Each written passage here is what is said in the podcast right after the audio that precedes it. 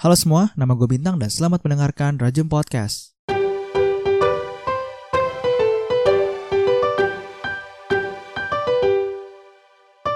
Selamat datang dan baik lagi sama gue Bintang di Rajem Podcast. Untuk di hari Rabu ini, gue akan memberikan audio wawancara gue sama senior di jurusan Markom gue yaitu Bang Imam Fauzi. Isinya tuh tentang isi dari Markom tuh apa. Mungkin menambahkan dari podcast di episode 1 gue yang di hari Jumat itu. Jadi podcast hari Jumat itu adalah ringkasan dari apa yang gue dapet dari obrolan gue sama Bang Imam. Jadi tanpa basa-basi lagi, ini adalah audio dari gue sama Bang Imam mengenai marketing communication. Halo kenalin nama gue Imam, gue mahasiswa Markom angkatan 2016.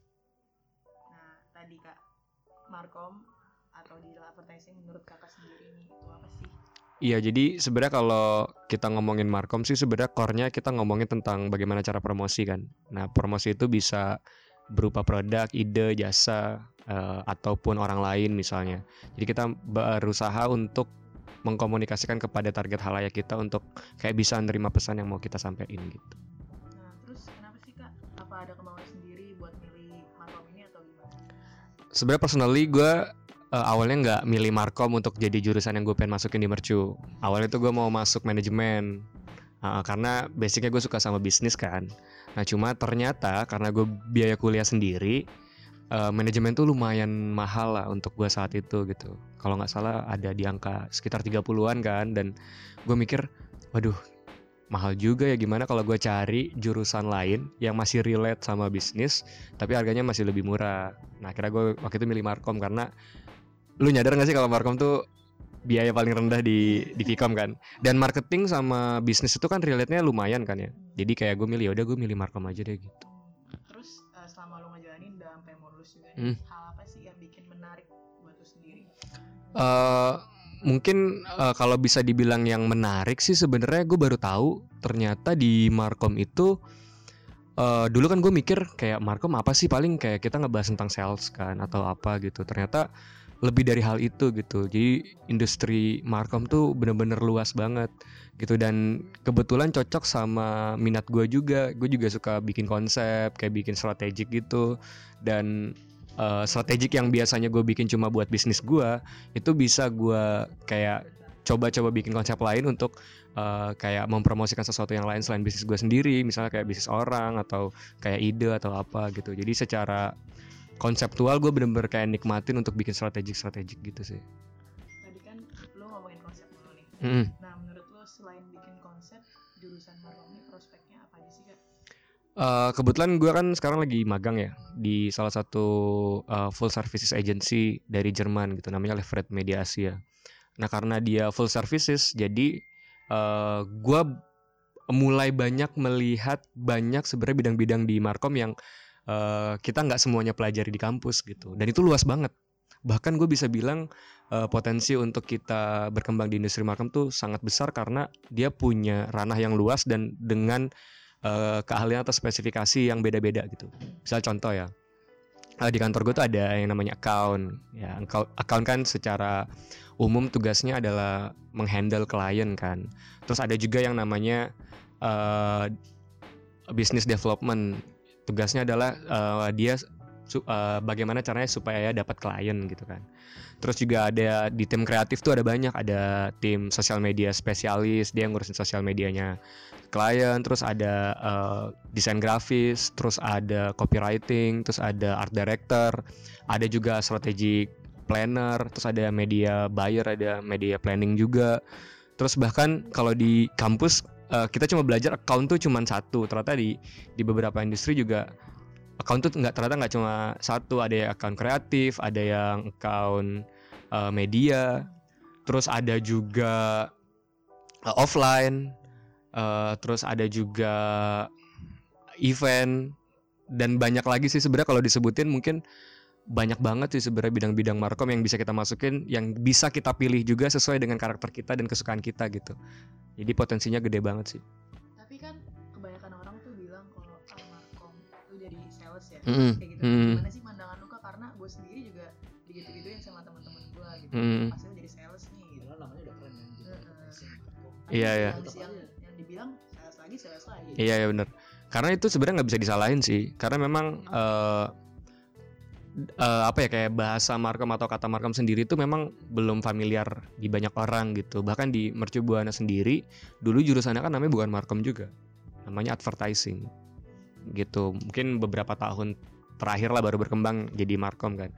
Sebenarnya itu nggak bisa disalahin juga sih dan eh, justru kita sebagai orang yang berada di industri eh, mungkin bisa sedikit lah maksudnya mengedukasi orang-orang ternyata eh, di Markom tuh kita nggak cuma ngomongin sales gitu. Karena banyak output yang bisa kita hasilin selain eh, sales tadi gitu kan. Ya misalnya tadi yang kayak gue bilang kayak kita bisa juga katakanlah lu eh, pengen jadi Markom yang eh, spesifik di bidang politik lu juga bisa jadi kayak apa ya, orang yang mempromosikan tokoh-tokoh politik misalnya atau misalnya lu yang fokus eh, untuk eh, mempromosikan pariwisata lu juga bisa jadi markom di bidang pariwisata atau kayak gitu-gitu sih sebenarnya. Terus eh, kayaknya kerjaan kayak copywriter Hmm. itu termasuk markom atau eh, selain copywriter itu apa? Banyak banget yang tadi gue bilang. Bener-bener banyak. misalnya nih ya, kalau misalnya lu suka berhubungan sama orang, suka berinteraksi sama orang, lu bisa masuk account gitu ya. Account tuh ada account kreatif, ada account media. Terus kalau misalnya lu suka nulis, lu bisa jadi copywriting. Kalau misalnya lu eh, kira-kira punya minat di sosial media, lu bisa jadi sosial media spesialis. Terus kalau misalnya lu eh, suka eh, ngedirect sesuatu, lu bisa jadi art director. Kalau bisa suka eh, bikin strategik, lu bisa jadi strategic planner. Terus juga misalnya lu suka dunia marketing digital, lu bisa jadi eh, apa digital marketing juga. Terus misalnya eh, lu suka sesuatu yang berbau sales, ya lu bisa masuk business development juga karena dia kan goalnya adalah eh, mencari klien kan otomatis sales itu sendiri gitu. Terus juga kayak gue di di kantor gue eh, masuk ke divisi KOL. KOL itu Key Opinion Leader. Jadi gue menangani eh, mulai dari strategik, mulai dari eh, apa implementasi, negosiasi, media planning, report dan lain sebagainya yang berhubungan dengan campaign eh, yang butuh sama influencer gitu. Jadi sebenarnya banyak banget sih kalau disebutin satu-satu. Mungkin gue sebenarnya nggak hafal semua ya, tapi banyak banget sih sebenarnya bidang-bidang di Markom yang yang kita bisa masukin sesuai dengan dengan kemampuan dan kesukaan kita gitu.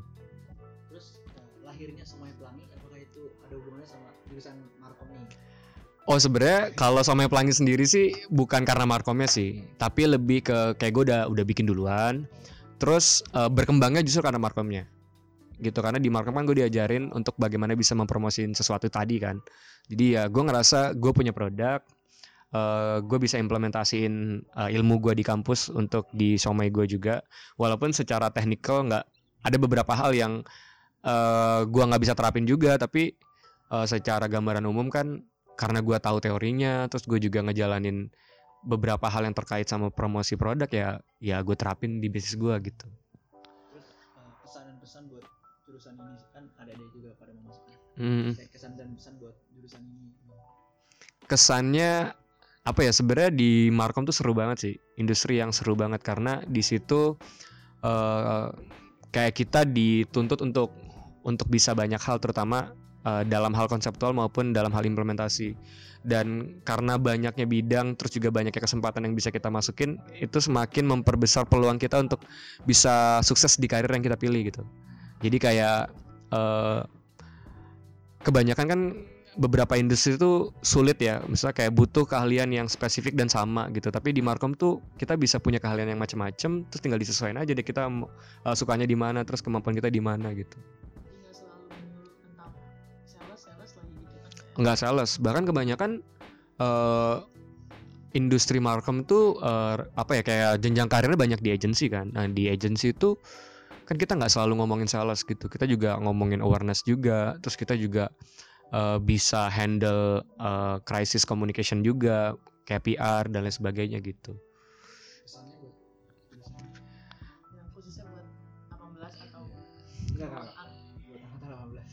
buat siapa Pesan buat angkatan. Oh, pesan buat angkatan 18. Sebenarnya eh, selagi di kampus, menurut gue lu kayak jangan membatasi diri untuk explore banyak hal sih. Nah, kelemahan kita adalah kita kan ngerasa diri kita ini punya limit ya, punya batas gitu.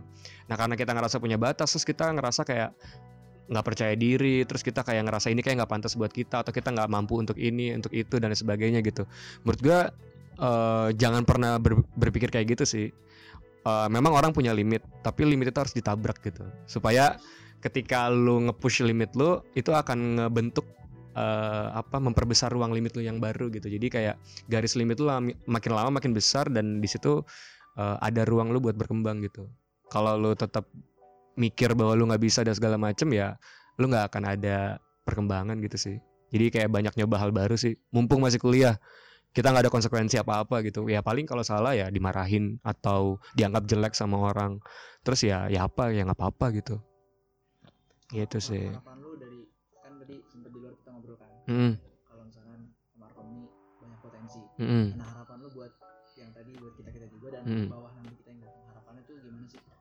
Sebenarnya ini ya eh, potensi itu nggak cukup untuk bisa jadi apa ya seseorang yang apa yang bisa dibilang berprestasi atau bisa dibilang juga berhasil di bidangnya gitu. Potensi juga harus dibarengi sama motivasi yang kuat juga gitu. Percuma kita punya eh, apa punya potensi yang gede tapi kita juga nggak bisa self motivation diri kita sendiri gitu untuk ngelakuin sesuatu yang lebih dari dari yang yang kita punya sekarang gitu.